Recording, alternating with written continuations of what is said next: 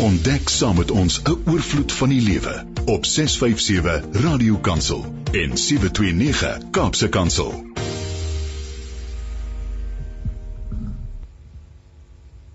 Goeiemôre en baie baie welkom by Met Hart en Siel.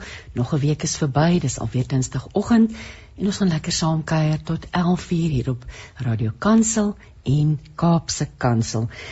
Die lied wat nou net gespeel het, te pragtig was Nadine Norel wat net een vir ons gesing het. Nou, vanoggend gesels ek met die geliefde skrywer Helena Hugo. Dit is altyd pret om met haar te gesels.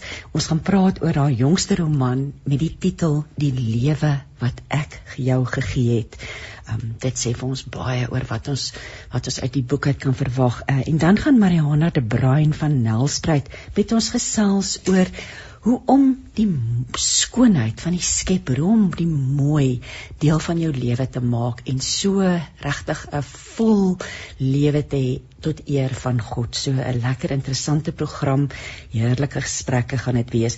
En dan sluit ons ons program af met 'n stilte tyd meditasie deur Milan Melanie Vosloo. So bly gerus ingeskakel vir sielskos en inspirasie. Jy's natuurlik altyd welkom om saam te gesels. Die WhatsApp lyn is oop hier voor my. Jy kan 'n stemnota stuur of 'n boodskap, 'n WhatsApp boodskap na 082 657 27 29. Ons hoor graag van jou en is lekker as jy saamgesels. Nou ek bring vir oggend vir ons skrif uit Jesaja, Jesaja 30 vanaf vers 19 wat sê: Jy volk in Sion, jy wat in Jerusalem woon, jy hoef nie meer te huil nie. Die Here sal jou genadig wees as jy na hom roep om hulp. Hy sal jou gebed verhoor sodra hy dit hoor. Die Here het jou honger en dors laat ly, maar hy wou jou leer en hy sal hom nou nie meer afsydig van jou hou nie. Jy sal self sien dat hy die een is wat jou leer. Wanneer jy die regte koers verlaat, na regs of na links wil draai, sal jy agter jou 'n stem hoor sê wat sê: "Hier is die pad, loop hier langs." Sjoe. Kragtige woorde uit die skrif altyd en dit hou ook mooi verband met Helena die Helena se se se nuwe boek en ek dink ons het nou vir Helena op die lyn. Goeiemôre Helena. Goeiemôre, hoe gaan dit vanoggend? Dit gaan met my goed. Dit het so lekker gereën hier in Johannesburg ja. gister en vanoggend sê daar by in jou wêreld seker ook Rodepoort rigting ook bewolk, oh, maar 'n lekker koel dag vanoggend, nê. Nee. Pragtig. Ja, pap nat en baie mooi. Helena, ons twee het mekaar verlede week gesien by die bekendstelling van hierdie lieflike nuwe boek van jou. En ehm um, ag, dit is so lekker geweest om met jou te gesels en vanoggend is dit net so lekker om met jou te gesels oor die oor die lig hier op Radio Kansel, die lewe wat ek jou gegee het deur Lux Werby, 'n heerlike nuwe roman. Maar ja, ek ek, ek ons het verlede week ook gesels en ek het jou gevra Hoeveel boeke het jy al geskryf? En ek dink jy het toe vir my gesê hier by die 88 nie waar nie. Ja, nee, nie nog, daarom nog nie 88 nie. Ek moet net 'n paar by jok nie. Ek kyk na die 83. 83. So ek het 5 by. Hoor jy, ons vat dit as profetiese woorde. ons ja, miskien wat ek sommer aanhou. O, oh, absoluut. Maar ek het so die romansboekies geskryf, jy weet, met so 44000 woorde. So uh, hulle kon maklik 'n uh, hele paar opmaak. Uh, hierdie is is bietjie uh, ek skryf net bietjie stadiger. Dit kom nou een of twee boeke 'n jaar, want ek moet nou hier by 80000, 60000 woorde trek. En en, en ja, mense baie doen baie vooraf werk en en dit vat tyd. So ek, ek het effe 100 gaan haal. ek weet jy wat ek ons hou styf duim vas daarvoor. Helena, hierdie hierdie boek van jou, die lewe wat ek jou gegee het. Um ek wil met jou gesels oor die proses want dit is my baie interessant. Jy het nou verwys na die navorsing. Jy gaan doen eers die navorsing en dan begin jy skryf. Wil jy nie so 'n bietjie vir ons luisteraars vertel hoe werk hierdie proses dan vir jou nie? Ja, dit, dit is 'n kwessie van weet ek het mos daar ook gesê, ek het gedink ek het net een boek in my en en op die ouend as jy begin werk dan besef jy daar's vol stories wat jy kan vertel en en en een of ander dingetjie uh, sit jou net aan die gang om, om 'n storie te vertel. In hierdie geval uh, was ek nou uh Desember, heel Desember besig gewees met 'n radio vervolgverhaal en dit was ter wille van oorlewing, snaaks genoeg vir my lewe, maar ons het so lekker gelag want toe ek met die akteurs begine gesels oor wat ons gaan doen en hoe sê ter wille van oorlewing uh toe het ons 'n paar grappe gehad daaroor. En en na hierdie was ek nou 'n bietjie uitgeput geweest, maar ek het geweet ek het 'n kontrak om 'n boek te skryf en ek is te besig met die radio en uh, dit my oog val toe op dramas wat ek geskryf het. En die die een gaan toe oor hierdie fusering van die drie uh, manne wat uh, onregverdig gefusileer is uh, in in in die Anglo-Boereoorlog en ek het 'n drama oor hulle geskryf. Ek gaan graag dit drama uitlees vir en dit niemand kyk ek kan dit net so inwerk in 'n storie so hierdie storie van die drie ouens kom eers later in die boek uh, want jy weet ja, ek kan nou dan nie so dadelik net alles oorskryf nie. So ek het dit ingewerk in my storie in in hierdie waarheid van hierdie mense se lewe. Dit het nogal lekker gewees. en lekker hoe jy ons gaan nou nog gesê Ons gaan nou nog gesels oor al die verskillende temas en die storielyne, maar die hoofkarakter ja. is Berdien. En ehm um, ja. is so mooi daar word geskryf agter op die skitblad Berdien se karoo is blou, hemelsblou, persblou, poeierblou, grysblou hartseerblou. So die verhaal speel af in die Karoo en ek kan nou vir jou vra waar die inspirasie hiervoor vandaan gekom. Ek weet jy het 'n tyd lank in jou lewe in die aar gewoon en um, maar waar het die inspirasie vir hierdie spesifieke verhaal om dit juis in die Karoo laat afspeel vandaan gekom? Die wat wat hierdie hierdie hierdie uh, geskiedenis, stukkie geskiedenis wat ek ontdek het toe ek navorsing gedoen het oor alle shrines. Dit is ook in die Karoo afgespeel. En uh, natuurlik plaas jy dit nou weer in dieselfde omgewing. En uh Weet jy, ek het nogal lief geword vir die Karoo. Uh, met ter tyd al hoe meer, al hoe liewer, jy weet, uh, ons het van uh, Florida af so getrek my pa se predikant. Hy het in, in die aard begin werk en ons is nou saam. En, en natuurlik ons kinders wat in Florida hier in Johannesburg groot geword het, waar ons nou woon, was nog glad nie gelukkig oor die feit dat ons nou na die droë aardige plek te trek nie. Maar dit is nie. Dit is 'n wonderlike plek en en daai blou die, die blou en en die kleure. Weet as jy net daar gaan staan in die oopte en die kleure sien en en hoe die kleure verander en en die Karoo is 'n plek van ontdekkings. Jy jy loop in die veld en jy sien die pragtigste ou plantjies wat iewers skuil onder 'n klip of en dan is dit reën hoe alles net blom en groei. Dit dit is eintlik 'n 'n merkwaardige plek om te beleef Daar's baie skrywers wat ook daaroor skryf, né, oor die Karoo. Hulle wil graag lief vir die plek. Ek ek dink ek dink al is al het ons nog nooit daar groot geword of nog nooit daar gewoon nie, dink ek dis tog amper deel van elke Suid-Afrikaner se DNA, daai oopte. en dis vir my so mooi in die boek hoe jy die die lewe in die Karoo, die destydse lewe, daar's baie nostalgie, maar ook hoe die mense nou daar lewe. So jy spreek verskillende dinge aan. Jy praat oor die boervroue, daar's karakters, hoe besig hulle is, die dinge wat hulle doen, die die kos wat gekook word in daai Karoo huis. Um mens mens hunker om daar te wees en jy teken dit so mooi vir 'n mens dat mens net wil aanhou en aanhou lees. So regtig waar die Karoo is net so half hierdie teenwoordigheid in hierdie boek, um wat dit so lekker maak om te lees. Maar kom ons praat 'n bietjie oor Berdien die hoofkarakter. Betty. Ja, ja. Betty uh, uh, is 'n liewe mens. Sy sê sy's 'n dokter. Sy's nog baie slim en en en, sy het alles na lewe reg gedoen. Jy weet sy so so so vir die Engelse sê people pleaser. En sy het gedoen wat haar ma en haar ouma van haar verwag en uh, presteer en en en, en sy's lief vir mense. Sy het ook al in COVID het sy uh, ekstra skofte gaan doen in die hospitaal uh, mense te help en so aan. Maar uh, sy het ongelukkig 'n uh, baie ongelukkige lewe. Sy kies haar man verkeerd en uh, die man met wie sy saam leef, hulle is nie getroud nie, uh, is 'n spesialis. En en hy sê eintlik hoe sê aan vriendin sê sy kop is so groot, jy weet hy moet skuins draai om by die beer in te kom. Hy's 'n narcis. Hy hy probeer haar verneder, hy probeer haar verkleineer en en sy gee toe. Sy sê altyd net toe en en o ja, jy weet nie in die boek is daar 'n belangrike gebeurtenis die naweek wat sy om Karoo toe vat om haar mense daar te gaan ontmoet. En en dis amper soos 'n tema wat deur die boek kom want ons kom elke keer weer terug na daai absolute verskriklike naweek wat vir haar uh, weggedryf het van haar mense.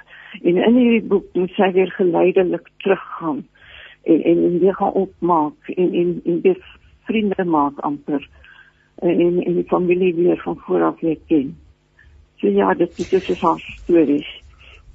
So so nou so gepraat van die familie want in hierdie boek is daar 'n klomp sterk vroue wie se stamboom verweef word met Berdien se lewe. Um, is hulle fiktief? Het hierdie bestaan hierdie karakters werklik of vertel ons 'n bietjie meer oor hierdie groep vroue? Ouma Bertha, ouma grootouma Huybrecht, ehm um, die, die ja, Luthers as ek dit nie mis het nie, nee, dit is die die familie oor wie jy skryf. Ja, en en en en ouma Bertha is getroud met 'n Iman uh, sy praat in op 'n plek in die boek van haar man. Sy's baie sterk vrou. Ouma Bertha is een van daai vrouens wat die dorp aan die gang hou. Dit sy uh, sy is 'n uh, onderwyseres en haar jong dra gewees en en sy is 'n krye vrou en sy is oral in die kerk. Al wat ook al jy weet neem sy die leiding. Sy's 'n baie sterk vrou. Uh die stamboeke, ons het 'n bietjie gesels oor die stamboeke, nee. Hierdie mense is almal fiktief voor. Uh my verhale draai om die karakters. Die karakters vertel vir my die tyd vir my stories. Nou gaan sit ek en gaan werk uit die stamboeke uit en hierdie storie toe ek het nou voor hulle te sê my religieuse lewe is geraak nou deur mekaar met al die mense want ek het letterlik baie groot ek het by die groot ouers begin wat daai Karoo ingetrek het eers. En dan het ek al die kinders gelys en hulle is 9 en en dan al hulle kinders. En ek moes seker maak dat dat die kinders wat nou oorgebly het darm al gebore gewees het en uh, en ouma Bertha sy sy is die laatlam sy is die laatlam van Heybrecht ja Heybrecht uh, uh, is ook 'n baie sterk vrou en en natuurlik dan is daar nog vriende en Emma is 'n geweldige te veel. Lena, ek wil net vir jou Monica Maree vra wat is die boek se naam en waar kan ek dit koop? Monica, die boek se naam is Die Lewe wat ek jou gegee het, um uitgegee deur Lux Werby. Dit is in alle vooraanstaande of vooraanstaande wat sou mense sê alle boekwinkels beskikbaar. Um nee, nie waar nie Lena, uh, eksklusief ja, oral, oral. En nou dis internet kan jy dit ook kry. Ja. Ja, ja, ja, is daar 'n e-boek ook beskikbaar, neem ek aan? Ja, ja, hulle het almal oh, e-boeke. Ja, so Monica, ons hoop ons hoop dit antwoord jou vraag. So die stamboom is ouma, dis groot ouma Huybrecht en dan ouma Bertha is haar dogter en dan ehm um, o die ma, dan's nou daar's nog Berdien se ma. Berdien se ma, haar naam is ook Bertha, maar ek wil net vir leerders sê, ons het dit baie mooi uitgesorteer. So dit gaan nie mekaar raak met die karakters. Ek moet dit bietjie uithaal daar uitsluit. So ja, dit is uh, dit is die vroue is is nou Heybrecht, dit is uh, die grootouma en en en ons praat dan van Berdien se mense, nee, dis haar grootouma en haar ouma is is is Bertha en haar dogter se naam is ook Bertha, maar ek was baie versigtig om daai Bertha te noem. Ek het altyd gepraat van my ma of jy weet so ja. anders raak mense nou weer mekaar. En, en dan as jy dan kan sien dat Berlin en hulle almal dieselfde naam. Ek weet ja, ek nou eintlik so stamp op so kom kyk wat is hulle regte naam. Maar dit is almal dieselfde die, naam. En die beginsel vir my hier is die belangrikheid van herkoms want Berdien gaan ja, terug Karoo toe. Ja. Ehm um, vir en en en sy gaan tuis by ouma Bertha en wat so mooi is die die, die huishang vol portrette ook en, en daar's ook uh, fotoalbums en familiealbums en hoe hoe belangrik dit eintlik Berdien dan besef o, hoe belangrik dit is om te weet waar hy vandaan kom. Wat dit was dit vir jou iets wat jou ook na in die hart lê, hierdie hele ding oor herkoms. Waar kom ons vandaan? Ja, ja, ek ek, ek dink bietjie wat deesdae gebeur is, uh, mense gee nie meer familiename nie weet hoe spoor jy jouself op as jy ja. skielik 'n ander naam het en en en en wat ook gebeur is wat wat met my eie dogters hulle Hulle neem nie die man se van aan as hulle trou nie. Jy weet jy hou jou nooit van wat jy so klaar beroepsvrou. En jy kan nie skielik weer jy weet met 'n ander van uh, jou beroep bedryf nie. So sulke dinge gebeur. Nee, dis regtig vreeslik belangrik en dit het my altyd gefascineer. As jy in 'n huis kom en daar hang 'n stamboek. Jy weet dat hulle partykeer die mense se hare op 'n soort krulletjies by sy naam. ek al al die herinneringe ek sien baie keer vir mense en ek het dit self ook nog nie eintlik gedoen nie. As jy ouer word, moet jy eintlik gaan sit en jou geskiedenis skryf en en dit los vir die kinders. Hulle stel dalk nie nou belang nie. Maar maar later as jy begin terugdink en jy begin verlang, jy weet na jou ouers dan dan, dan wonder jy baie dan as jy vies as jy nie al die stories geluister het nie. Dan mis jy dit. Ja. Dit is regtig belangrik. Kom weet kom ons praat. Een van die een van die temas of een van die van die onderliggende uh, boodskappe wat wat wat iemand reg genoem het by die boekbestelling boekbekendstelling is dat jy baie skryf oor die bemagtiging van vroue. Ehm um, so in hierdie boek wat leer ons hier oor hoe vroue hulle self kan bemagtig en weer hulle eie stemme kan vind? Weet jy ehm um, die, die storie teen die einde van van die fascinering is ook vir my interessant dat daai twee uh, die twee niggies eintlik Emma en en Hybrecht besluit het, jy weet, hulle gaan nie die man van hulle drome uh, jy weet uh, hulle, hulle gaan om op op, op sy troontjie hou. Ek wou ook al sê. Hulle uh, want hy was eintlik, jy weet, hy het hulle eintlik al twee jy weet sleg behandel en en toe kom hulle dan sterker uit die twee vriendinne in in die vroue in hierdie storie het, het baie van hulle het 'n ongelukkige stories. Maar hulle omdat hulle stories agter die rug sit en aangaan, kan hulle hierdie die lewe weer aanpak. Ons bevoel ek het kans vrou Melanie, né? Melanie het 'n verskil storie wat sy vertel op die ou einde en en sy moes dit ook weer dit werk. En en en en nou kan sy haar energie by aan aan aan aan aan die mense in die dorp want sy het 'n medemenslik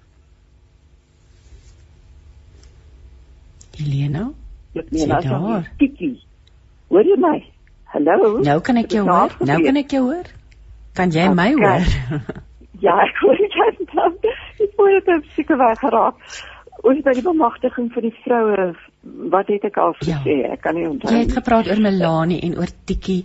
Ehm um, ehm um, almal karakters wat soos jy sê swaar kry. Baie soortgelyk aan wat vroue deurgaan in die alledaagse lewe nê, maar aan die einde bly dit 'n verhaal van hoop. Maar kom ons ons gaan ons gaan nou eers breek vir 'n vir 'n kort musiekbreekie en daarna wil ons wil ek bietjie gesels oor oor die geloofstema, die die mooi skrif wat jy as tema gebruik het, maar ons gaan eers luister na Gospel Ensemble wat vir ons sing U regeer. Een visie, een stem, een boodskap. Radiokansel 657 AM en 729 Kaapse Kansel maak impak op lewens van Gauteng tot in die Kaap. Jy luister na met hart en siel. Ek is Christine Ferreira en ek gesels op die oomblik met skrywer Helena Hugo oor haar nuwe boek, haar nuwe roman, Die lewe wat ek jou gegee het. Helena, jy kies altyd 'n skrif om voor in jou boek te plaas. Vertel vir ons oor die skrif vir hierdie boek asseblief. Ja, ehm um, kan jy my nou hoor? Weet jy? Ek hoor jou baie mooi, ek hoor jou baie mooi duidelik. Goed. Ehm um, ja, ek het net 'n bietjie klein getrap oor die vroue se bemagtiging, want ek dink ons het 'n bietjie verdwyn iewers. Kom ons kom terug. Wil jy graag ietsie byvoeg daar? Eh uh, die weet jy ek het eintlik uh, by die einde begin by, by die by die vrouens uit die verlede en en wat hulle reg gekry het en hoe hulle bymekaar gestaan het op die ou einde. En dan, dan natuurlik hy breg wat baie sterk uitkom uh, en en net aangaan met haar lewe. En en uh, Emma uh, wat ook jy weet net nou wegkom uit die omgewing en en en met haar gaan dit dan nou ek wil nou nie op die storie heeltemal weggee nie nie so goed soos met Hybreg nie want Hybreg is uh, uit die geslag van die letters, jy weet, so dink sy hulle is baie sterker. Dan dan wil ek net verwys na Tiki. Tiki wat uh, regtig waar uh, swaar kry en en, en wat dan ook die ou einde by uh, uh, ouma Bertha werk en en en haar ma is ook een van die voorvroue van die dorp en haar omgewing. En en jy weet hoe hulle net eenvoudig aangaan met hulle lewe en en sterker uitkom jy, jy kom net agter dat hierdie mense het 'n geweldige uit uit vermoë alhoewel hulle baie bekommernisse het. So ek hoop in die opvolg van die boek kan ons Tikie en Lia se se wêreld 'n bietjie meer verken. Ja, ag ek skiet dit sou al wat ek byvoeg by die vroue. Ehm um, dit is nog Moes, kom, ja, jy kom ek, ek en, en nou het jy na Tikie verwys want ag ek daar's so baie so baie goed om oor te gesels. Kom ons praat oor die oor die oor die skrif. Die skrif wat jy kies vir jou boeke. Dit het so 'n kenmerk geword dat jy altyd voor in jou boek 'n skrif het wat iets sê van die tema van die boek. Ja, dit dis is my baie belangrik want dit help my ook om om by die tema te hou want dit is julle nou hoor hoe ek afdwaal in myself op jy weet mens kan mens moet eintlik konsentreer op wat jy op die ou einde wil sê jy weet en en en, en dan soek ek dit uh, vers volgens die tema volgens wat ek graag wil sê. En ek gaan terug na die Bybel en ek gaan soek. En hier het ek nou 'n uh, hele reeks tekste gehad op die ou einde uh, wat nie gewerk het nie.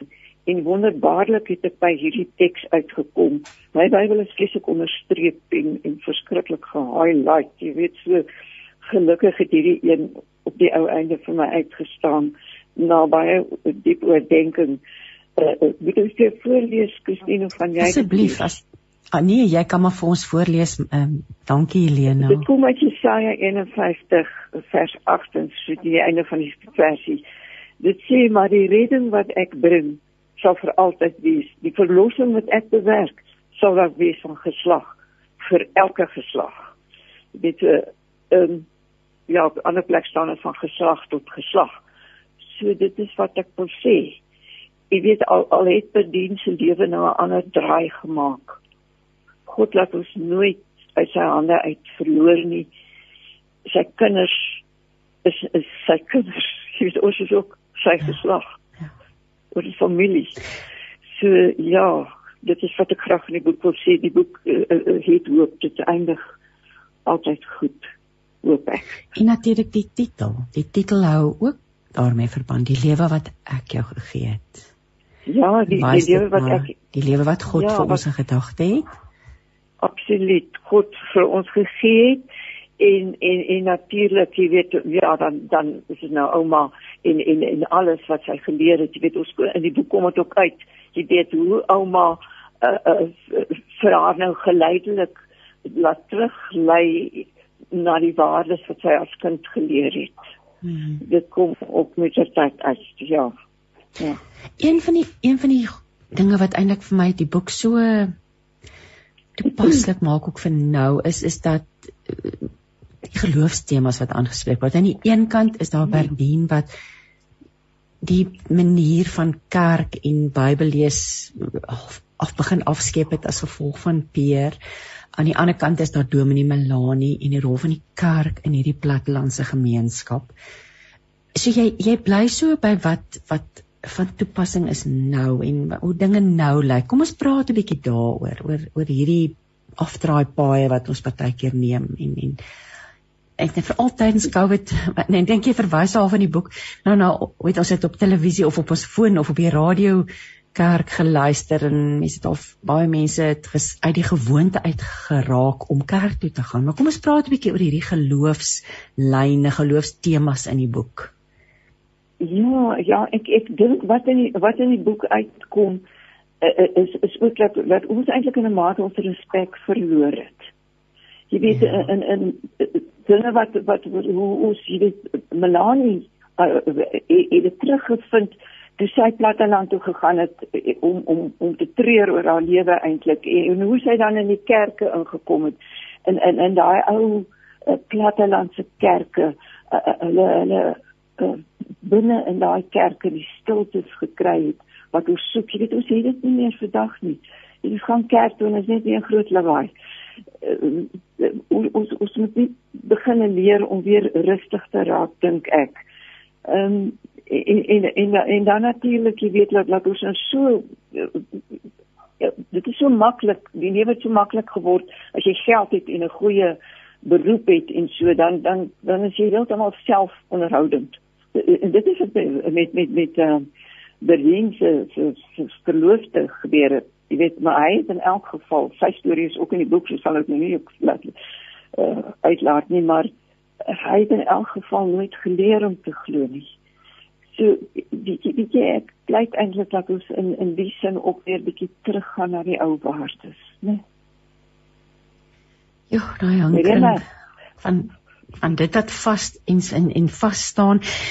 Kom ons praat 'n bietjie oor Tikkie. Jy het so vlug vlugtig vluggies na haar verwys. Um sy werk vir ouma Bertha. Vertel ons 'n bietjie oor Tikkie en en en en haar Tiki, haar ja. rol in hierdie in hierdie in hierdie storie. storie. Ja, Tikkie Tikkie Tikkie en uh, Becky, die niggie was eintlik Berdien se speelmaat, kan mens maar sê.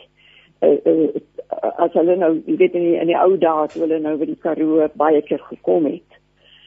So, ehm um, Tikkie is 'n slim meisie. Sy, sy was die een wat hulle voorgeles het uit haar boekies. Maar sy het nooit die geleentheid gehad wat hulle gehad het om verder te gaan studeer nie. Met die gevolg is Tikkie se lewe rafel baie sleg uit. En uh ja, ek ek het vreeslik graag hê dat Tikkie sy ideale op die ou einde uitkom, want sy verdien dit. Sy's baie oulike mens, maar sy's aan die verkeerde kant van die spoor kan ons maar sê gebore. En, en dit is regtig waar sleg. Nou nou Becky is nou weer die niggie wat agtergebly het en albei van hulle sê in 'n stadium te bedien, maar jy is nie meer deel van ons amper nie. Jy jy wegbeweeg jy's iets anders. Jy weet dit is bietjie sê vir jy is dan slim en in in een toneel word bedien vir 'n uh, Becky van haar parfum gee en en uh, dan sê uh, Becky dis is nie my seun nie dis joune dit so so uh, hierdie verhouding word ook baie goed uitgepleis in die boek. Ek praat 'n bietjie baie ek dink ek vertel 'n bietjie baie van die storie maar nee jy nie, ek weet, jy gee nog niks weg nie. Ek het die boek gelees en ek beloof jou jy gee min weg. ek wil praat oor oor die dorp ook want dit was my interessant. Ek kon nie agterkom watter dorp die die storie nou eintlik in afspeel nie. En toe het jy vir my tereg gesê maar die mense is nie veronderstel om regtig te weet dit is ek het gedink so Richmond ja, Hannover daar Kraddock daar rond dit dis al daardie omgewing ja. Ja. Maar jy sê jy ja, jy kan ook jy wil probeer, probeer om maar om nie dit te koppel aan 'n dorpie want jy kom partykeer in die moeilikheid. ja, want partykeer vertel ek onwetende geskiedenis van mense wat ek nie geken het nie. En en ja ek weet nie ek is wel bietjie versigtig maar enige een wat op die dorp woon en die dorp ken sal ons seker beter net agterkom waar dit is jy weet. So ek was daar 'n paar keer daar ek weet hoe dit lyk en uh, die gedenkteken vir daai drie boere die staan ook daar. Ek het nog 'n foto waar by die gedenkteken staan. So ja die omgewing die mense wat daar bly die mense wat die plekke ken sal sal die plekke ken. Maar ek het hom so bietjie wie weet 'n bietjie bygejok kan ek maar sê jy het jou verbeelding gebruik dis net so wat 'n skrywer kan Helena ja. dit is my altyd so interessant as jy nou so sit en skrywer skrywe ek neem aan dit jy raak heeltemal meegevoer en deel van daai mense se lewens. Jy vergeet seker amper van die van die van jou huis en jou man en dat hy ook nog met 'n koppie tee kry. Hoe wat gebeur in jou in jou wêreld as jy so begin skryf? Weet jy ek ek moet eenvoudig maar net myself isoleer.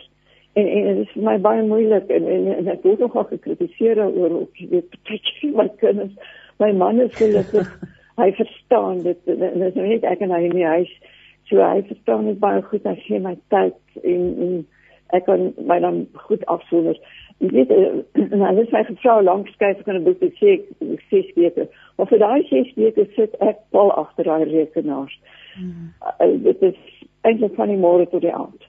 Ek weet jy ek ek en, en dan raak ek heeltemal betrokke by hierdie mense. Ek dink daar het my gevra, is daar karakters wat ek liewer voor is as verander en daar is nie. Dit is hy ek mm. skryf en dit word 'n deel van my ek ek kan nie sê ek skep hulle nie. Dit klink as bietjie as maar eintlik skep ek hulle, jy weet hulle ja, en dan begin hulle vir my hulle storie vertel. Jy weet so met die tyd kom daar dinge uit wat ek ook nie geweet het nie. Ja. en dan werk jy interessante karakters by.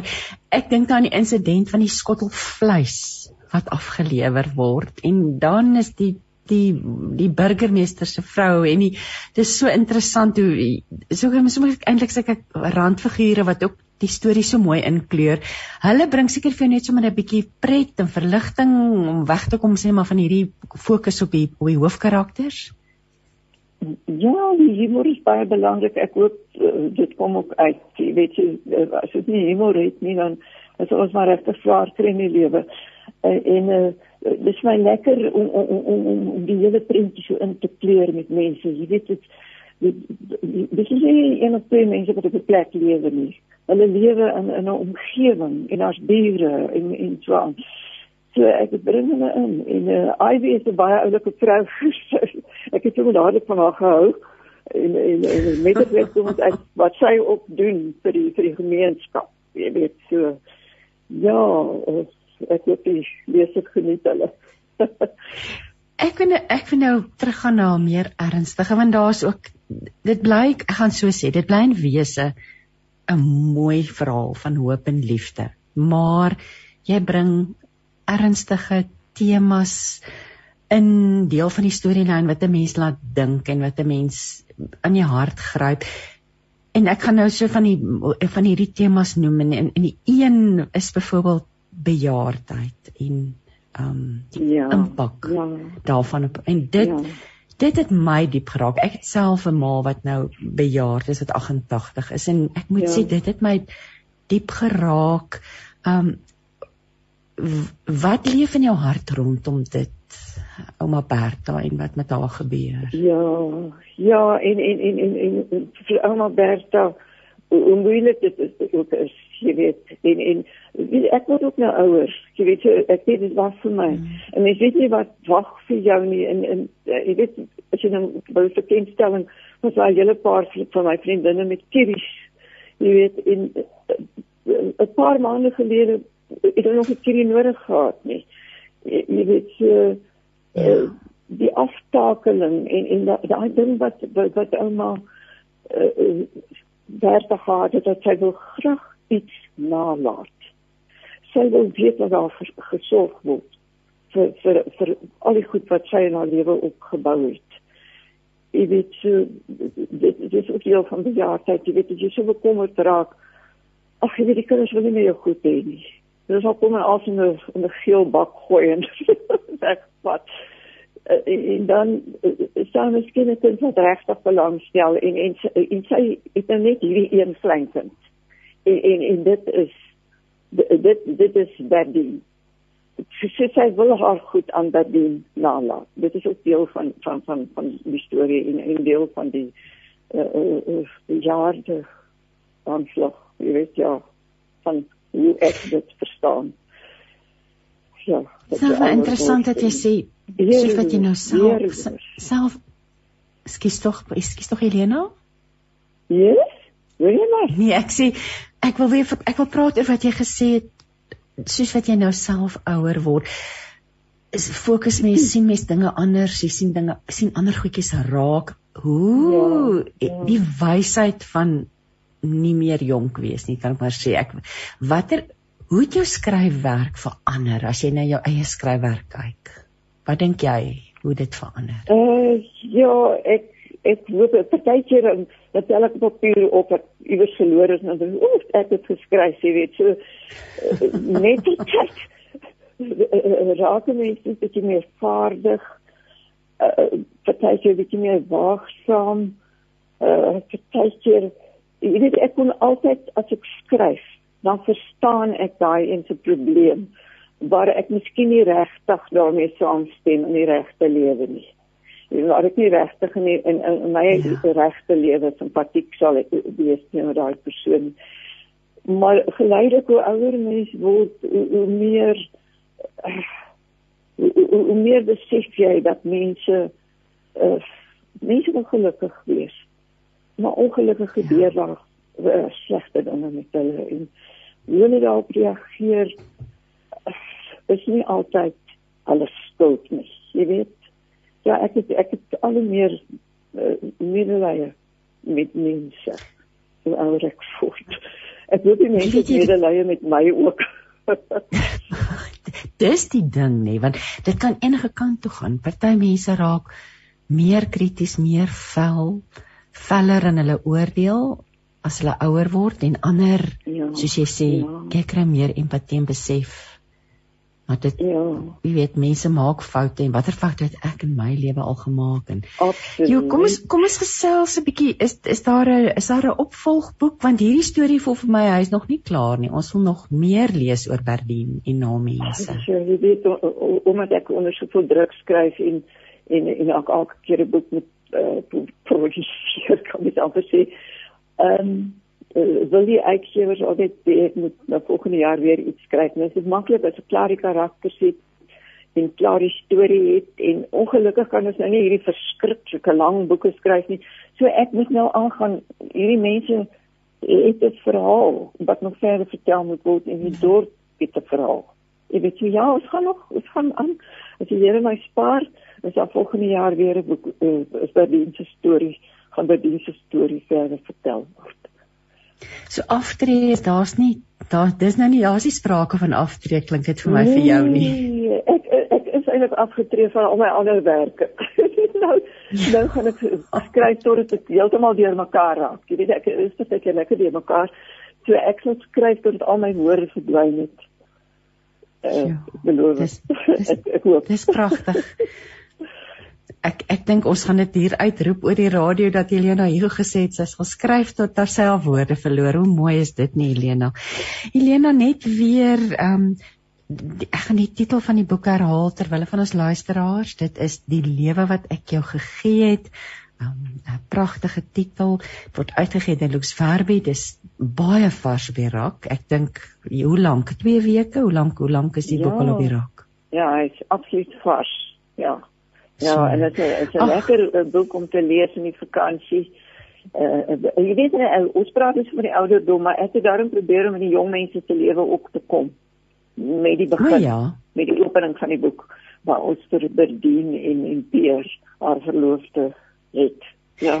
jy, weet jy, alle ouderdomsgroepe, alle ouderdomsgroepe word aangespreek en ag nee, wat dit is 'n absolute heerlike boek. Ek wil jou gelukwens daarmee. Ek het verskriklik lekker daaroor gelees. Dit is ontspannend. Ehm um, dit daag mense uit om oor dingetjies te dink, maar net regtig 'n wonderlike boek. En soos ek gesê het, in wese 'n pragtige verhaal vol hoop en liefde. So Elena, ek wil vir jou dankie sê vir vanoggend en jou tyd en jo, ons 1 November, kan jy glo? Ons is op 1 ja, November hierdie jaar. Ja, die jaar is verby. Ja, ek wil amper vir jou 'n geluksige kers. Ek ek weet nie hoe te doen nie, maar dankie tog ons ons nog hier ons kan nog en en ja. geniet wat ons nou jy geniet uh, Christine ons ons sal oorleef. Ons het oorleef ek dink ons Absoluut ja, Elena en hoe, hoe wonderlik en wat 'n voorreg dat ons nog boeke kan lees en en en en ja en en mense bly lief vir boeke. Dit sien ek. Mense hou daarvan om 'n boek in die hand te hou so. Ja ja alles ja. seën vir jou Helena en en vir Henk en en en ag mag die jaar rustig afdraande loop ja ons gaan. Um, ons gaan en, en ons met jou ook Christine en vir al die luisteraars en die lesers aan die kant geseënd in hierdie seisoen het al begin die kersseisoen hè Ag, hoorie, ek ek weet dit is dis te gou op ons, maar dit is nou wat dit is, nê? So, maar ag, alles seën vir jou Helena, nogmaals dankie vir jou tyd. Vanoggend is altyd lekker om met jou te gesels en ek en jy kry altyd 'n lekker laggie ook in so tussendeur, so dis belangrik. Kom ons sluit af. Helena wat baie keer bietjie weggeraak het. Die selfoon wat baie keer bietjie verdwyn. Maar ons is hier. Moenie bekommer nie. Ons het vir jou eintlik baie mooi gehoor. So moet plat nie daaroor bekommer nie. En ja, ons gaan ons, ons groet nou vir jou en ons ons gaan oor na musiek. Ons gaan luister na Willem William J Visser wat vir ons gaan sing. Ek is 'n kind. Deel die liefde, deel die waarheid en deel die lewe op 657 Radio Kansel en 729 Kaapse Kansel. Wat 'n heerlike vrolike lied. Jy luister dan met hart en siel. Ek is Christine Ferreira en nou gaan ek gesels met Mariana de Bruin al die pad van Nelspruit. En uh, voordat ek met Mariana gesels, wil ek graag 'n stukkie skrif voorlees en dit is voor in haar boek met die titel Mooi, die skoonheid van die Skepper. 2 Korintiërs 3 vers 18 sê en ons almal terwyl ons met ontsluierde gesig die heerlikheid van die Here aanskou soos in 'n spieël word na dieselfde beeld verander van heerlikheid tot heerlikheid soos afkomstig van die Here die Gees. Môre Mariana. Goeiemôre Christine. Goeiemôre luisteraars ook. Ag Marianne, dit is so lekker om met jou te kan gesels. Ons het nou nog net via e-pos ontmoet en ek hou jou pragtige boek hier in my hand vas. Jy het kontak gemaak en jo, ek was so beïndruk geweest toe ek deur hierdie boek gewerk het. Vertel vir ons 'n bietjie meer oor jouself en waar die idee van hierdie boek vandaan gekom het. Ehm um, baie dankie, dis nou vir my lieflike voorreg. Ja, ek is getroud met Gerard, hy's 'n besigheidsman. Ons het vier seuns en toe nou later vier skoonde op wonderlike skoondogters, eintlik is dit my dogters en ses uitnemende kleinkinders natuurlik. En ehm um, op 'n tyd Natuurlik ouma. natuurlik, reg. Ek moet dit nog Watter ouma glo. ja, dit is so. Nou op 'n tyd het ek oordenkings vir ons plaaslike radiostasie gedoen en ehm um, toe mense gesê skryf 'n boek daaroor, maar toe weet ek mos dit wat jy sê en dit wat jy geskrewe woord is is twee verskillende dinge. Ek skryf al kinderstories, maar ek het dit in elk geval daar gelos. En toe so 'n paar jaar gelede te ervaar ek die Here sê vir my, skryf 'n boek oor die skoonheid van ons Here. Nou ek het 'n hele leeseerkas vol verskonings gehad. En um, hoekom ek dit nie kan doen nie en vir my werklike verskonings want um, dit sê die eerste boek wees wat ek skryf en hoe kan ek oor so 'n groot onderwerp my eerste boek skryf. Maar toe ervaar ek Here sê vir my, maar as jy dit nie gaan doen nie, gaan ek dit vir iemand anders gee. En dit was nou my regspringblok. En so ek het dit gedoen en twee goed het vir my daar uit tot nou die boek vashou. Net besef. Die eerste ding, die Heilige Gees is die instaatsteller God. Hy gee die vermoë. 100% weet ek dit.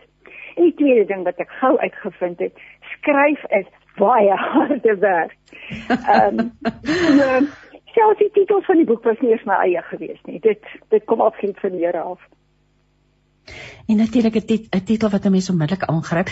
Nou ek sien nou hier heel toevallig ek het uh, ek is op ons WhatsApp en ons Facebook um lyn en hier sê dit Johannes 2 vers 17 sê die wêreld en sy begeerlikhede is aan die verbygaan. Wie die wil van God uitvoer, leef egter vir altyd dis ja. wat jy gesê was gehoorsaam. Jy dit is interessant hoe jy, jy sê die Here, die Here het gesê maar nog gaan net vir iemand anders gee. So wat 'n voorreg dat jy kon voortgaan en dit skryf en jou talente. Hoe lank het dit jou gevat om die boek te skryf? Want dit is 'n dis 'n dik boek.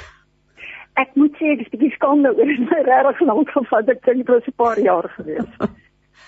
maar so ja. daar is jare se wysheid hierin vergader. Kom ons praat 'n bietjie of uh, by mekaar gesit. Kom ons praat 'n bietjie oor die formaat. Jy verdeel die boek in verskeie hoofstukke en ek weet ons gaan nou gesels oor van die wyshede, die geloofswaarhede wat jy deel.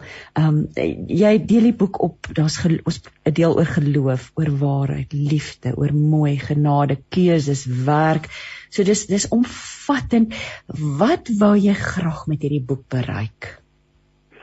Weet jy ek sou graag wil dat ehm um, mense as hulle dit lees, meer waardering hê om met 'n bewustheid rondom hulle raak te sien hoe God skoonheid skyn deur allerlei dinge, deur alles tot elke vesel van ons bestaan. Maar ek voel nogal ehm um, wel ek self en ek neem aan dan ander mense ook moet bewustelik daarna kyk, moet bewustelik die skoonheid sien en skoonheid skyn. Deur soveel goed, so ek het dit opgedeel in hoofstukke wat elkeen maar um, 'n um, fraksie is van hoe goed skei skoonheid skyn en ons dit kan raak sien.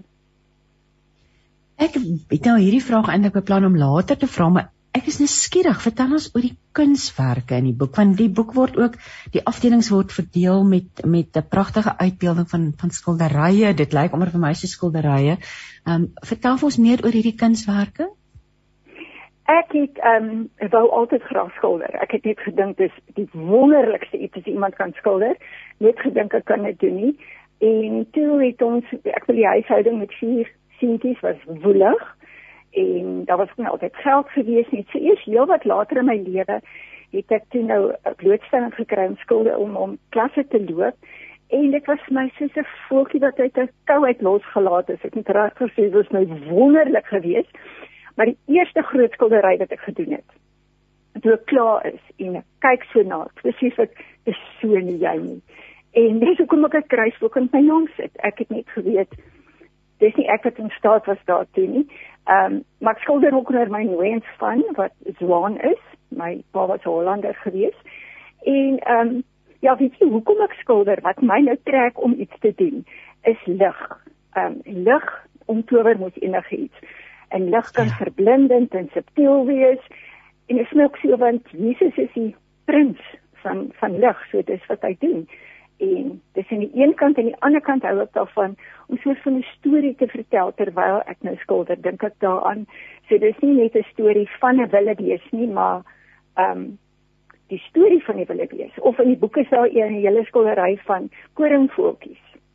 En in die skildery dan's nou die hoofkaraktertjie en dan staan 'n oom luister hoe die tannie heeltyd in sy ore raas en dan staan so 'n ander neefie wat 'n bietjie aan die ander kant van die van die weg gewoonlik hardloop en die neefie sit steeds in klets. So ja, dis vir my ek hou daarvan stories te vertel. Ek gaan nou 'n stukkie voorlees en sommer van die begin want ons gaan bietjie praat oor geloof. Jy sê Jesus die wonderskone middelpunt van geloof. Geloof kan hoor en geloof kan sien, regtig sien. Geloof is om die hemelse simfonie te kan hoor, die lofsang van die skepping aan die allermooiste van die heelal se trillings te kan waarneem. Dis die ekstase van hoor waarvoor jy voorheen doof was. Speelse note wat dans oor uitgestrekte grasvelde, velde wywend van moontlikhede. Jo, eh, dit dis hierdie is ek wil nie sê dis 'n dis 'n dis 'n gids, dis 'n goedvoelboek, dis 'n daar dis 'n op 'n persoonlike vlak, maar dit dis 'n boek wat 'n mens se lewe verander en jy sê jy wil ons lei om God se heerlikheid ook in ons eie lewe te kan weerspieël en ek dink elke gelowige streef daarna nê. So kom ons praat 'n bietjie oor wat leer ons oor geloof in hierdie boek. Ja, weet jy geloof, ek het um, regtig probeer om nie te preek nie en om prakties te hou en om dit lewendig te hou. Maar geloof is regtig vir my, ek dink verder ook daar praat dit van um, om die goud te sien wat sypel tussen die hemelse ja, vloerplanke. Ja. Om dinge raak te sien en raak te hoor wat ek nie voorheen gedoen het nie. En ehm um, dan ons almal weet, dat Christene weet dat ons word nou gered geheel en al net op wat Jesus vir ons Christus vir ons gedoen het. Maar en daarom is Jesus dan die skoonheid in geloof. Maar wat vir my ook wonderlik is, Jesus is die outeur. Hy is die volmaakmaker van my geloof. En ehm um, hoe ek eintlik op begin dan die hele boodskap is dat elke mens het stories. Ons elke ons lewe is 'n storie ja. en daar stories binne stories. Maar die storie waarna ek toe nou die meeste belangstel is jou geloofstorie. En elke mens het 'n geloofstorie of hy nou glo of hy nie glo nie. En ek stel belang in daai redder geloofstorie van mense en ehm um, hoe dit uitloop, ja. En natuurlik lei jy ons die leser om ook dieper na ons eie geloof te kyk, nê, om om uh jy so mooi sê fyntjies dit bruis fyntjies soos borrelwater binne in jou nie. So die jy lei ons om bietjie weer met nuwe oë na ons eie geloof te kyk net bietjie te verfris. Jou geloofstorie het jy gelowig groot geword? Um, is daar ietsie wat jy vir ons daaroor kan deel? Ja, weet jy, ek het soos wel baie Suid-Afrikaners in 'n baie streng Christelike huis groot geword. Um, en my pa het daarvan gehou as ek enigsins iets sê oor die Bybel of iets moes ek geweet het waarvan ek praat verseker. So um, en ek mag nooit 'n slabban geestelike boek eers gelees het nie, daar veral vir daardie jare was dit nou so. En hy het my gekatkeseer en ek moes al die antwoorde geken het. Maar ehm um, weet jy dit is hoekom ek ook nog laat vir kerkmense het want ek het vir jare daar gesit en ek het dit nie gehad nie. So dit was eers na die geboorte van my derde seun dat ek tydens 'n aanddiens die Here aangeneem het en dis regtig waar so alles alles alles het so verander. En ehm um, ja, dit is dit is wat geloof skielik kom doen dit vir my dit het regtig vir alles kom verhelder. Jy praat van die kabel van ons geloof. Jy sê geloof in een gevleg met genade word 'n onbreekbare, onsigbare kabel wat ons aan die hemel vasbind. Jo, dis mooi gestel, maar dan praat jy ook van die kinkel in die kabel, die waarskynlikhede. Kom ons ja. gesels so 'n bietjie daaroor. Jo, jy kyk so vars en nuut, Mariana. Ek ek ek moet sê en dan sê jy ook volhard teen klein geloof. Daar's daar's die kinkels is in daai kabel. Ja, daar is vir my um, en hoewel baie van hierdie goed gaan ek nooit geweet het as ek nie self daardeur geleef het nie. So mm. dis bietjie erg, maar dit is net so. Daar is kinkels wat ons self in die kabel maak en um, van die kinkels kan wees baie geloof wat ons nie eens van weet nie of aanwensels wat ons doen of sommer dinge wat ons sê en natuurlik heeltemal leens, maar vir al die waarskynlikhede, ek vind net nogal as daar iets is wat ek regtig regtig regtig nodig het om te graag 'n antwoord op gebed te wil hê dan kom hierdie waarskynlikhede en hulle skree hier in my ore van realiteite wat kan gebeur. Hmm. En ehm um, wat as daar, wat daarvan? Wat ja, as ja. ja.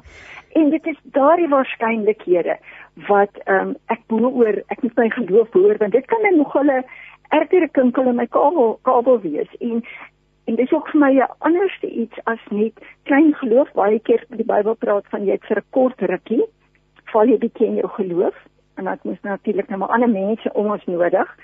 En ehm um, dit is vir dit bewys hoe meer mense uh, begin struikel in geloof hoe meer bly hulle weg van die, van ander van van ander Christene en dit moet jy's anders omwees. En ja. en dan is daar ook 'n boos hart van ongeloof. Dis die mense wat moetswillig onkundig wil wees. Ja, jy sê so mooi Jesus Christus het ons kom uithaal uit sout woestyne. Hy alleen sien ook die binnekant van my geloof en wanneer my hart van die Here afwyk. Ja. Jo, ja. Dit is dit is dis jy, dit is pragtig en dan verwys jy ook na geloof as 'n koesterboom. Wat bedoel jy hierby? Ja, vir my is dit ehm um, die Here gee vir ons sê maar sekere goeders en dan begin dit soos 'n klein groen helder groen blaartjie aan 'n sprietjie wat begin groei. En ehm um, ek dink byvoorbeeld sien nou aan Abraham. Hy het daai sprietjie, daai groen ehm um, helder blaartjie gesien. Ehm um, van hy gaan eendag 'n kind hê. En dit was jare en jare en jare voordat hy eers gekry het en sy eie planne gemaak het. So daardie boom begin groei en elke boom het seisoene. En partykeer is sny die seisoene en partykeer is dit droogte. Maar die rykwyte van daai boom en daardie takke gaan al verder en verder, soos wat sy wortels verder en verder moet gaan tussen die rots om geanker te word in die rots en om sy water en sy kos van die Here af te kry. So ver gaan daai takke en op die ou einde as jy regtig vir lank volhard, dan is dit 'n koesterboom geword. Dit het hierdie pragtige groot boom geword, maar hy begin maar klein. Hmm. En dan eindig jy hierdie hoofstuk deur te sê die hemel is oop vir almal wat glo. Prys die Here, daar is 'n spesifieke plek vir elke God, kind van God in die hemel, 'n vaste adres vir jou en vir my. Geen wensdenkery of uittel ruimpie is nodig nie. En dan vat jy ons ook deur die skrif. So elke hoofstuk uh, bevat lewenswyshede van jou kant af en dan ook skrif wat regtig waar dit so spesiaal maak. Ek wil nou voordat ons gaan gesels oor oor die die volgende deel en dit is natuurlik wat jy sê die waarheid is in Jesus en dan die onderskeid tussen waarheid en leuns. Ehm um, wil ek graag vir ons inhou 'n stukkie musiek speel en kom ons luister nou dat ek net hier seker maak op die rekenaar. Ons gaan nou luister na Can't Stop Your Love from Worship Central. Deel ons passie vir die lewe op 657 Radio Kansel en 729 Kaapse Kansel. Jy luister dan met hart en siel. Ek gesels met Mariana de Bruin. Ons praat oor haar pragtige boek Mooi wat handel oor die skoonheid van die Skepper Mariana. Ons gaan nou gesels oor waarheid en jy sê die skoonheid van waarheid. Jy sê die waarheid is 'n skrikwekkende skoonheid. Um die waarheid is Jesus. Maar kom ons praat oor die onderskeid tussen waarheid en leuns en die impak van leuns op ons lewe. Ja, ek dink 'n leuen is 'n vernietigende virus. As ek nou dink God is waarheid, so dis klaar die skoonheid. Ehm um, ja. maar wat ek wil graag wil net ja, onderstreep is die uh, die leuen is die bose is die vader van die leuen, maar hy is nie teenoorgestelde van God nie. Hy is glad nie die teenoorgestelde net belyse geskape wese.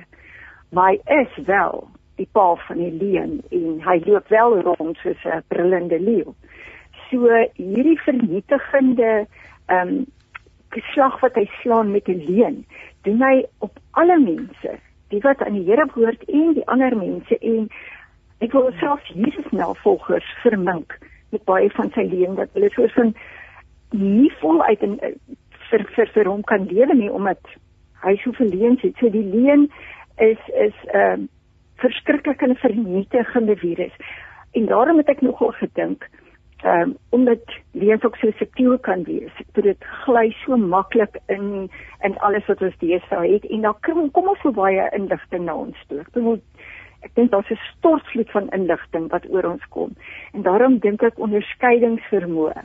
In Korintiërs 13 en 14 ag 14 sê eintlik ja, dit vir gawes. En ek dink nogal dit veral deesdae is 'n gawe om voor te bid.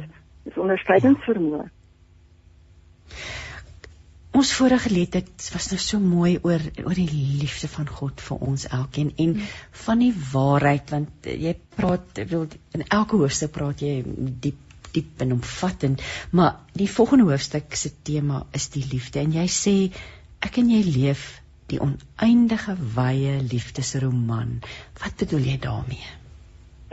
Ehm um, God is die skepper van alles en hy was so genadig. Hy het vir ons die Bybel gegee wat die verhaal is goed met een hoofkarakter en die hoofkarakter is Jesus en die tema is om gered te word. Maar hy gee vir ons hierdie storie wat begin met Genesis en dit eindig tot ver aan die wederkoms van Jesus. So um, dis 'n verhaal dis 'n storie. En omdat God liefde is het ek gesê dis 'n liefdesroman. Dis 'n roman wat hy geskryf het en hy het vir ons aangeskryf en wat vir my verstommend is ek bedoel in hierdie ongelooflike heelal vat hy ons as karakters en ons is in hierdie bladsye ingesit. Dalk nou net vir ou kniebuigentjie maar ons moet daar wees en dit is wat hy daar gedoen het. Hy het hierdie liefdesroman vir ons geskryf en ons is deel daarvan Kom ons praat oor die verskillende tipes liefde waaroor jy skryf in die boek. Dit was my interessant geweest. Jy begin by serieus God se om alles omvattende liefde. Kom ons praat oor hierdie hierdie verskillende tipes liefdes. Want jy benader dit ook op 'n ander manier, maar daar's baie wat ons daaruit kan leer. Mm, ek moet sê ek het nogal gedink toe ek wil skryf oor die liefde, dink ek, maar God is liefde en hy's ver ander ja. van die heelal en hoe skryf ek daaroor oor 'n God wat elke sentimeter van die heelal is en met 26 letters in 'n alfabet en toe glo ek definitief die Heilige Gees het my die idee gegee om die sterre te gebruik. Plus net kyk na die sterre hemel waar ons sien net 'n fraksie daarvan, maar al hierdie biljoene en biljoene sterre, elke een is 'n hoofstuk ehm um, wat God se liefde skyn na ons toe. En dit ek nou maar die sterre gevat wat wat name het en wat ons ken. So die eerste een is Sirius, en wat hy die helderste in die naghemel. En hy's die blinkste, maar hy's ook die een wat en dit is God se liefde, dit is hoekom ek hy die blinkste is en hy skyn hierdie onvoorwaardelike wonderbare allesomvattende liefde skyn hy vir ons.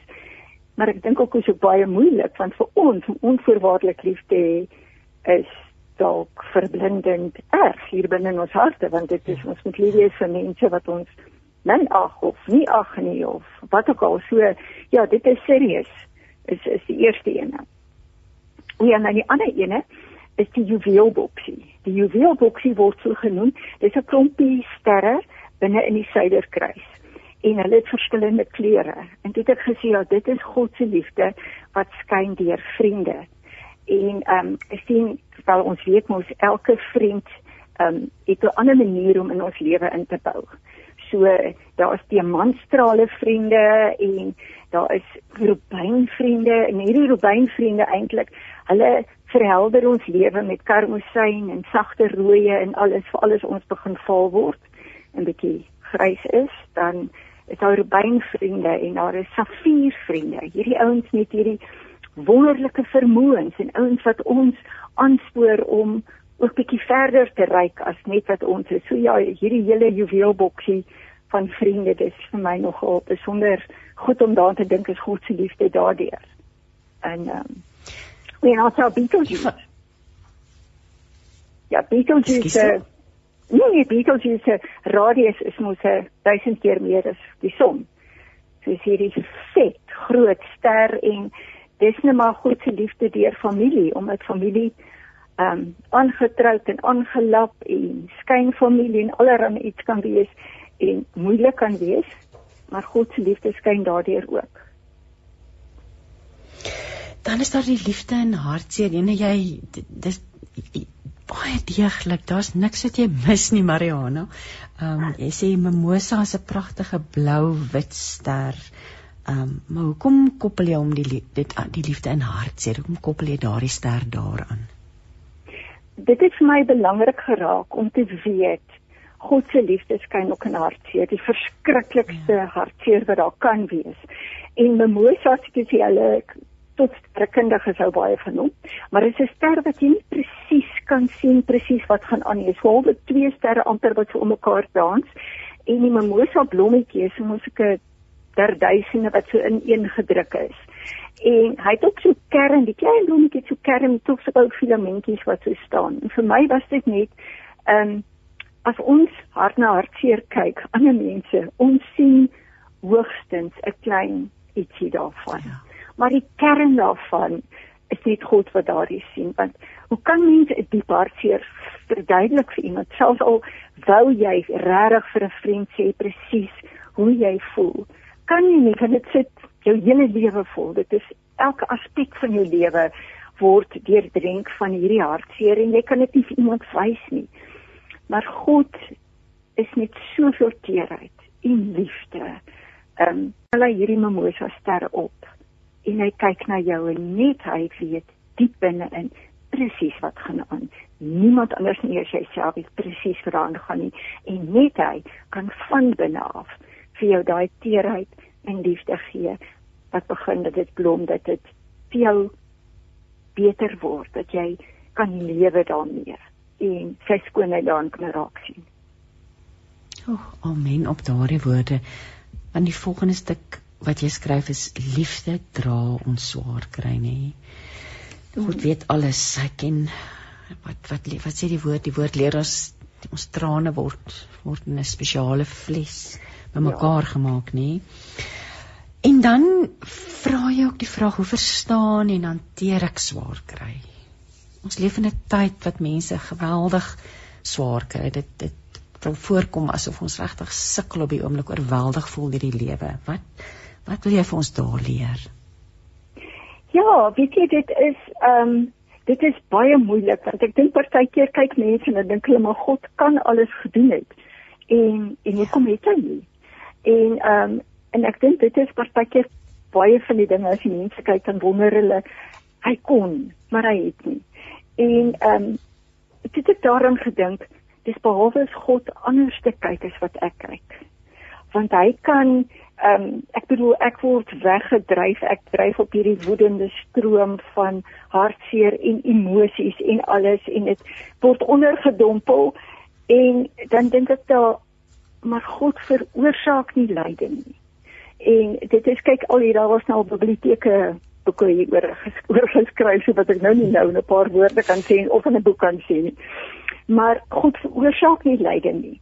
En hy bedink nie nare planne van smart en sonde of ietsie. Dit is wat ons gaan hê op die wêreld. Dit is hoe die wêreld van die bose is hier teenwoordig. En hy hy dit is wat wat wat wat die bose doen. Maar God, jy weet wat vir my erg is mense wat God kwaliek neem omdat hy nie hulle gebede verantwoord vir ergere dinge soos gesondheid van geliefdes en so aan nie. Ehm um, en dan dink ek dan maar God se getrouheid. Het hy nie bewys in beantwoorde gebed nie. Hy het dit klaar bewys aan die kruis. So ehm um, en waar is my fokus? Ja, ja. Ja. Jy het nou nog gepraat van die skilderye van die voeltjies. Ek blaai nou hier en ek sien dit, um, te pragtig en dit loop saam, dis die inleiding tot die hoofstuk mooi en mooier as die mooiste mooi. En hier in hierdie hoofstuk praat jy van aanbidding en lofprysing. Vertel ons 'n bietjie meer oor wat die boodskap in die hoofstuk mooi is. Ja, jy het in die begin na die stuk gelees uit um, 2 Korintiërs 3 vers 18 van hoe meer ek na God se skoonheid kyk, die mooi kyk, na die, sy heerlikheid en sy glorie kyk. En dan kom die verstommende, hoe meer verander hy my om dit te weerkaats dis net fenomenaal. So ehm um, wat 'n wonderlike God het ons nie wat wat wat dit vir ons gee. Hy sê vir ons kyk na al hierdie mooi. So ehm um, dit is die eerste ding. Dis eintlik ook dink hoekom die boek daar is om dis om die skoonheid raak te sien, maar hoe meer ek die skoonheid raak sien, hoe meer kyk ek na God natuurlik en ek besef sy majesteit en sy glans en sy asemrowende voortreffelikheid en alles wat ek kan gee. En ehm um, ek het ook al daan gedink weet jy daar is so baie kennisvelde en verskillende mense het verskillende kennisvelde. Maar hoe meer ek van iets weet hoe meer verfynd kan ek kyk en meer verfynd kan ek om lofprys daaroor ek bedoel ek dink as ek nou net in biologie dink of sterrekunde of of of ehm um, enige iets hoe meer mense kan sien meer kan hulle sien hoe wonderbaarlik is ons God en hoe mooi het alles bymekaar gestel. En dan lê amper vir my 'n antwoord hier in op die vorige gesprek oor hoe hanteer ons hierdie pyn en swaar kry en net die troos wat dit bring om ons oë net op hom te rig, nê? Nee? Al is dit net vir 'n ja. moment. Wat as ja. nou sy skoonheid kyk en hoe ver, ver verdoof dit nie of verdof dit eintlik alles wat om ons aangaan nie, nie. So daai wonderlike vrede wat daarin vasgevang lê. Jy praat ook oor die oor skoonheid deur die lens van dankbaarheid. Joh, kom ons gesels hieroor. Ja, vir my is ehm um, ek hou nogal daarvan om foto's te neem. En ehm um, nou as jy nou 'n lens vat dan um, ek wil jy nou foto neem, dan verstel ek nou self wat ek wil neem. Ek besluit wat ek wil neem en ek verstel die beligting en ek kyk na 'n ander filter miskien en ek verdof sekere dele en ek fokus op sekere dele. En dit het net begin besef maar as ek dit doen, ek kyk daardeur soos wat ek wil. En dit dink ek maar die mens of 'n mens ek kyk na dinge om my op grond van hoe ek voel, my emosies op daai dag, my omstandighede, alles dis my lens. En dit is nog 'n meer onthutsende gedagte en dan kan ek so na God op kyk ehm um, kan my emosies so raas as ek anders te kyk na God en dit ek net gedink maar vir hierdie lens so stofvry moontlik maak. En ehm um, ek wil dan na God daar deur na na God kyk hierdie lens van dankbaarheid en ek dink nog goed dankbaarheid is soort van die intree vlak. Waar ek begin met my lewe met God om regtig dankbaar te wees bewustelik. Ehm um, dankbaar te wees vir ek die voeltjies kan hoor en of die koffie kan ry. Ja, ek kan hoor. Ek wil graag ietsie voorlees want jy het dit so mooi gestel. Jy sê dis wat ek gaan doen. My gedagtes gaan momente fotografeer. 'n Fotoalbum van dankbaarheid vir elke dag. En hierin versamel ek spesiale oomblikies lag, lekker vol ervarings, ook gewigtige dankbare erns oor die lewe. Ek wil dit doelbewus en met intensie doen, soos wanneer ek regtig foto's neem. Dan kan ek mos aan die einde van die dag onthou waaroor ek spesifiek dankbaar was. En dan sê jy sodra ons wakker word, kan ons al begin dankie kikkies neem. Gesondheid, lekker slaap, veiligheid, pantoffels in die winter, werk, gesels, gesin, koffiegeure wat lok, uitsig, diep rooi kersies of 'n sappige vet appelkoos, die vars kleure van 'n nuwe dag. Jo, Mariana, dit is net absoluut pragtig hoe jy dit beskryf en dit in ons wakker maak om ja, net weer daai lens stof hom af stel hom anders in. Kyk met dankbaarheid. Maar voordat ons verder gaan gesels luister ons eers na Jean-Drey van Skalkwyk wat vir ons gaan sing op Golgotha Kom word daders van die woord saam met 657 Radio Kansel en 729 Kaapse Kansel klanke van die lewe. Die oorlosie sê dis 10:40 jy luister dan met hart en siel en ek gesels met Mariana de Bruin van Nelspruit oor haar boek Mooi maar ook die waarhede wat daarin vervang is wat ons ons eie kan maak. Mariana vanaf dankbaarheid beweeg jy na genade. Wat en jy vra ook natuurlik 'n vraag, het genade 'n inhoudsmaat of afmetings? Wat wil jy vir ons oor genade leer? Genade is natuurlik vir my daardie toe ek die Here Jesus aangeneem het, daai ehm um, tonne skuld soos 'n piramide wat bo op my kop was, het God weggevat in in Jesus en dit was vir my die wonderlikste wonderlikste ervaring, maar ook natuurlik toe saam met dit het ek agter tot my ontsteltenis agtergekom ek sondig nog. Dit was my baie baie sleg geweest. Ehm um, ek het soort van gedink dis nou verby dit. En ehm um, dit het begin dink daaroor sê God is nou ooit en ek weet dis in die Bybel, dis maar ek het so gevoel genoeg is nou genoeg. Ehm um, dit jy hom vir nou baie kanse gegee en um, om dit te plek dan beliet en toe ek eendag so op die strand staan en ek kyk so uit oor hierdie oseaan. Toe besef ek net ek kan met genade my tone in die nat sand vroetel om so 'n bietjie beter te voel oor myself of my toon so um, in 'n in 'n waterpoletjie te sit.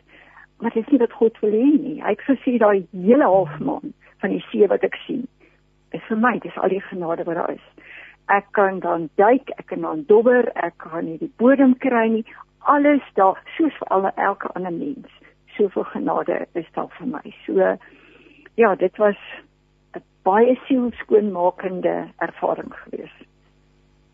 Maar so lei hy ons deur deur 'n proses nê in in die die leser van hierdie boek. Hierdie is nou nie 'n boek wat jy in een sit deurlees nie, nê. Jy jy tel hom op en jy lees weer en daar's waarheid wat deurkom. Jy lei ons ook na keuses. Wat het jou laat besluit om keuses in te sluit? Jy sê God se skoonheid skyn in keuses. Keuses is vir my baie belangrik. Ek dink dis um, omdat ek onderwyseres was en omdat ek hierdie vier seuns gehad het. Ehm um, es kom daar so die klap van die ja. wind nie al daar deur van ehm um, dit wat jy kies is dit wat jy gaan ja. kry.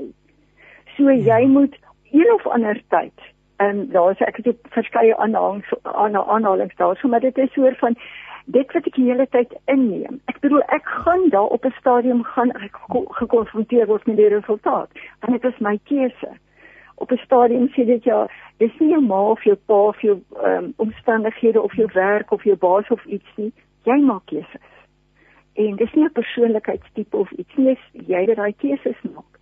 En ehm um, ek het eintlik begin daardeur om te dink ja in hierdie onmeetlike sterrestelsel het God die aarde gemaak wat nou spikkeltjie net in ons sterrestelsel is en toe sit hy ons daarop en hy gee vir hierdie mens wat na sy beeld geskaap is maar hy gee vir hierdie mens 'n vrye wil dit is eintlik amper volgens ondenkbaar en so die mens kan kies om die God van liefde te verwerp of te aanvaar. Ehm um, dit is verstommend dat God dit wil doen en toe besef ek ja, maar dis omdat God liefde is. Hy wil nie 'n marionet of 'n handpop hê nie. Hy wil ons kinders hê en so hy het ons keuses gegee en hy gee ook vir ons elke dag keuses in moeilike dinge. Want ehm um, ek dink elke mens vir of vir my ook baie keer om 'n moeilike keuse te maak om te kies om te vergewe om te kies om die wortel van bitterheid uit te haal om te kies om nie kwaad te word nie om te kies al daai goed. Dit kom nie net altyd so natuurlik en maklik en vloei net uit my dit is 'n moeilike keuse wat ek moet maak. En um, ek dink mense wat nou as hulle regtig waar teen jou mens wees 'n vergryper was dan is daai keuse dit vat nie emosie nie dis 'n oor en oor en oor kies. Hmm. Vir dit wat God wil hê omdat hy uitnemend is nie omdat ek is of om die ander persoon reg is nie en jy raak nou so aan liggies aan vergifnis daar natuurlik en ja jy sê ek en jy kan en moet elke dag kies om reg te kies dis baie mooi gestel ons moet dit elke dag doen nie. Dis van vooraf. Jy praat ook oor dat jy weet laat God se lig deur jou keuses skyn. Ja. So maklik. Keuses is nie so maklik. Dit is nie maklik om reg te kies nie, dit is so maklik om verkeerd te kies nie.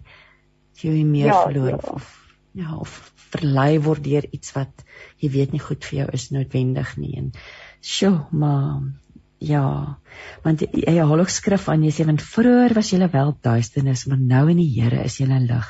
Leef as kinders van die lig. Alles rondom skoonheid en lig. Jy het gesê lig is soveel belangrik. Dit kom ook in hierdie hoofstuk deur.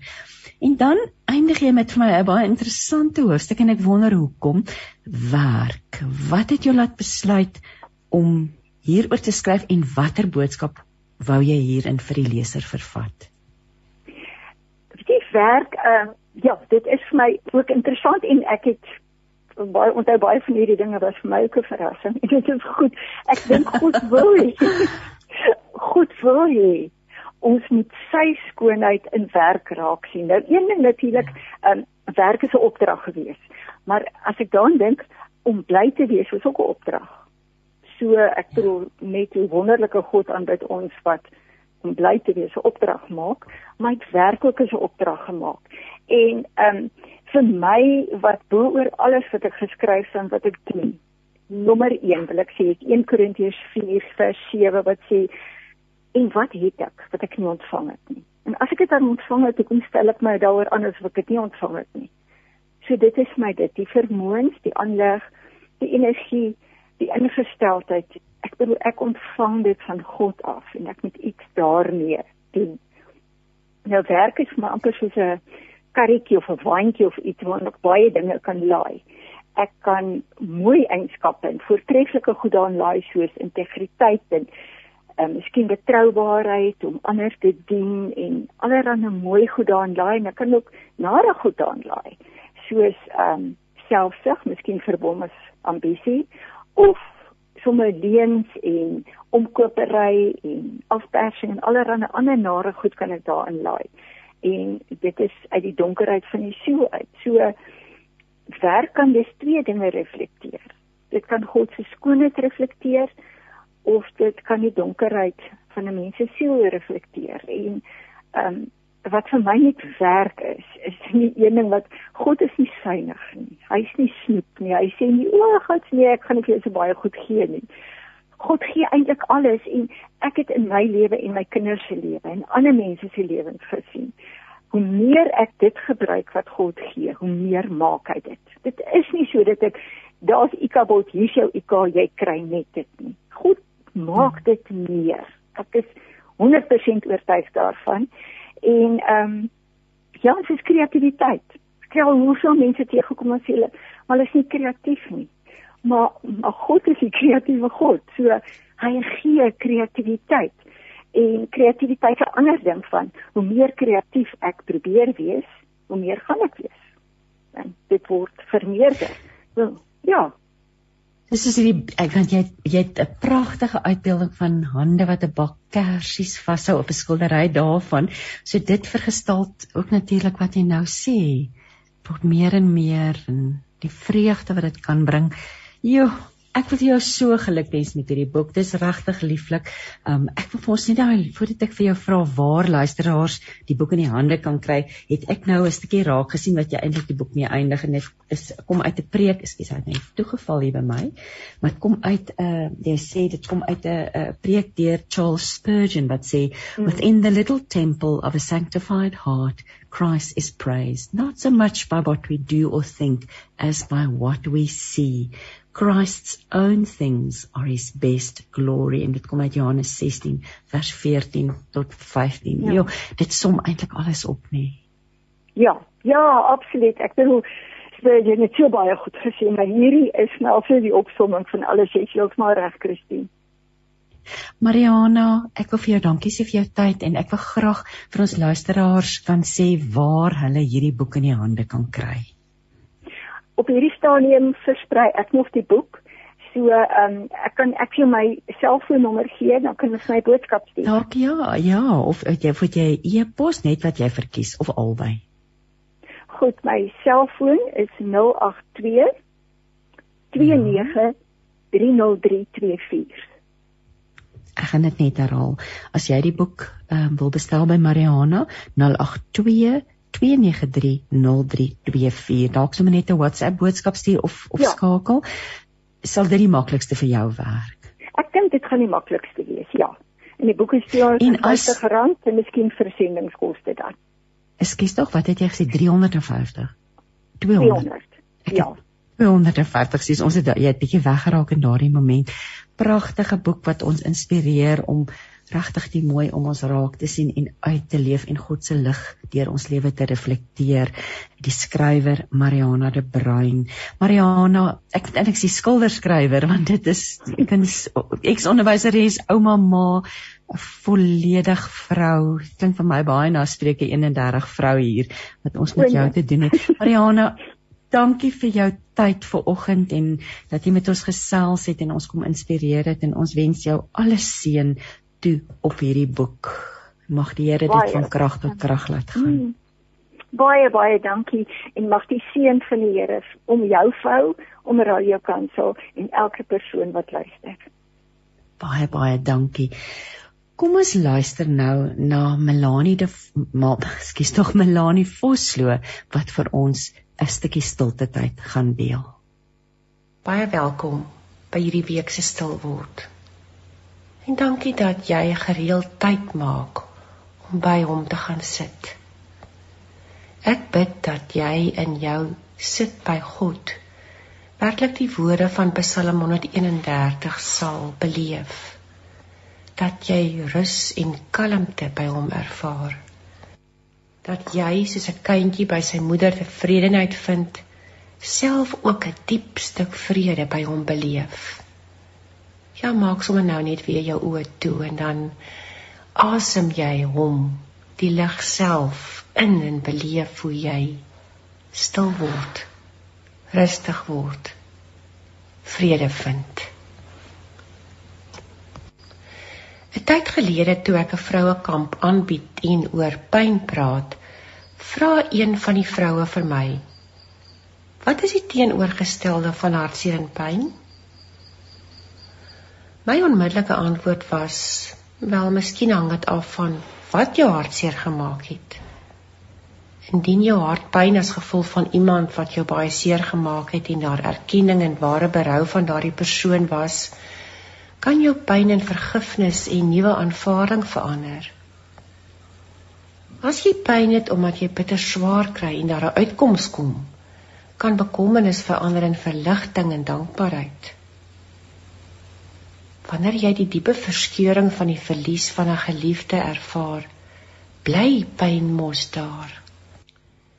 Die hart oopsny wond word met tyd so klein bietjie heel maar die diep verlange en gemis bly daar. Tog vind 'n mens dat wanneer ons saam met God in en deur ons pyn stap, daar in alle gevalle iets met ons gebeur. Iemand wat hierdie vreemde kontras baie goed kan verwoord is Henry Nouwen, 'n man wat op vele maniere self diepe hartseer pyn in sy eie lyf gevoel het. Hy haal Prediker 3 vers 4 aan. Daar is 'n tyd om te huil en 'n tyd om te lag. 'n Tyd om te treur, 'n tyd om van blydskap te dans. Maar, sê Henry, hierdie twee tye is aan mekaar verbind. Treur en dans is deel van dieselfde groter beweging van die lewensdans. By God ontvang jy te midde van trane ook die geskenk van lewe. En op 'n manier begin die eerste stappe na die dans in die tyd van hartseer en treur. Die huilkrete wat opklink in jou tyd van rou, word ook deel van jou woorde van lof. En baie dikwels vorm daar 'n glimlag deur jou trane. En terwyl jy hou, begin jy reeds werk aan die koreografie van jou dans. Jou trane van hartseer maak jou siel sagter en maak jou oop om moontlik ook weer op 'n stadium dankie te sê. Hy sê verder: Laat dus jou pyn toe om diep in jou hart te wees en bly dan in die pyn by die een wat jou hart verstaan en saam met jou treur. Want is daar by hom by hom waar jou vreugde ook weer kan vorm. Koester dus seer kry tye en weet vreugde lê ook daarin. Onthou hulle wat nie kan treur nie kan ook nie van vreugde dans nie Ek dink die psalmskrywer van Psalm 126 het iets hiervan verstaan toe hy in vers 5 tot 6 skryf. Wie met trane saai, sal die oes met gejuig inbring. Al loop hy en huil terwyl hy die saaisak dra, hy kom juigend terug terwyl hy die gerwe dra. Weet vandag jou unieke reis in die lewe, al die emosies wat jy ervaar, is God se manier om aan jou 'n diepe, soms onverklaarbare vreugde te bring bly jy maar net in alles by die een wat jou ken, jou verstaan, by jou is, saam met jou huil, saam met jou lag, altyd. Kom ons bid saam. Here God, ons verstaan nie altyd wat met ons gebeur nie. En ja, Here, U weet Soms is 'n mens so verwond dat jy eintlik nie weet hoe jy ooit weer heel gaan word nie. Dankie dat ons in al ons emosies maar net by U kan bly. Dat U ons nooit los nie. Dat U die Almagtige, U Here Jesus wat self diepe pyn ervaar het in al sy forme, daar is om U hand uit te steek en ons te help om weer te dans van vreugde. Here bly by my. Bly by my in alles wat ek ervaar en maak my diep bewus daarvan dat U deel is van my eie dans van die lewe. Amen. Jou daaglikse reisgenoot 657 Radio Kansel en 729 Kaapse Kansel. Ons het aan die einde gekom van ons program. 2 ure vlieg so vinnig verby. Mag die Here jou seën, liewe luisteraar, hierdie week. Mag hy met jou wees. Um en mag jy regtig, soos ek elke week sê, jou sy teenwoordigheid voel, want sonder sonder hom is ons is ons is ons niks nie. Ons ons loof en ons prys hom vir sy groot liefde. Ek wil dankie sê vir Paul manne vir die tegniese versorging vanoggend en ek groet jou tot volgende week. Totsiens.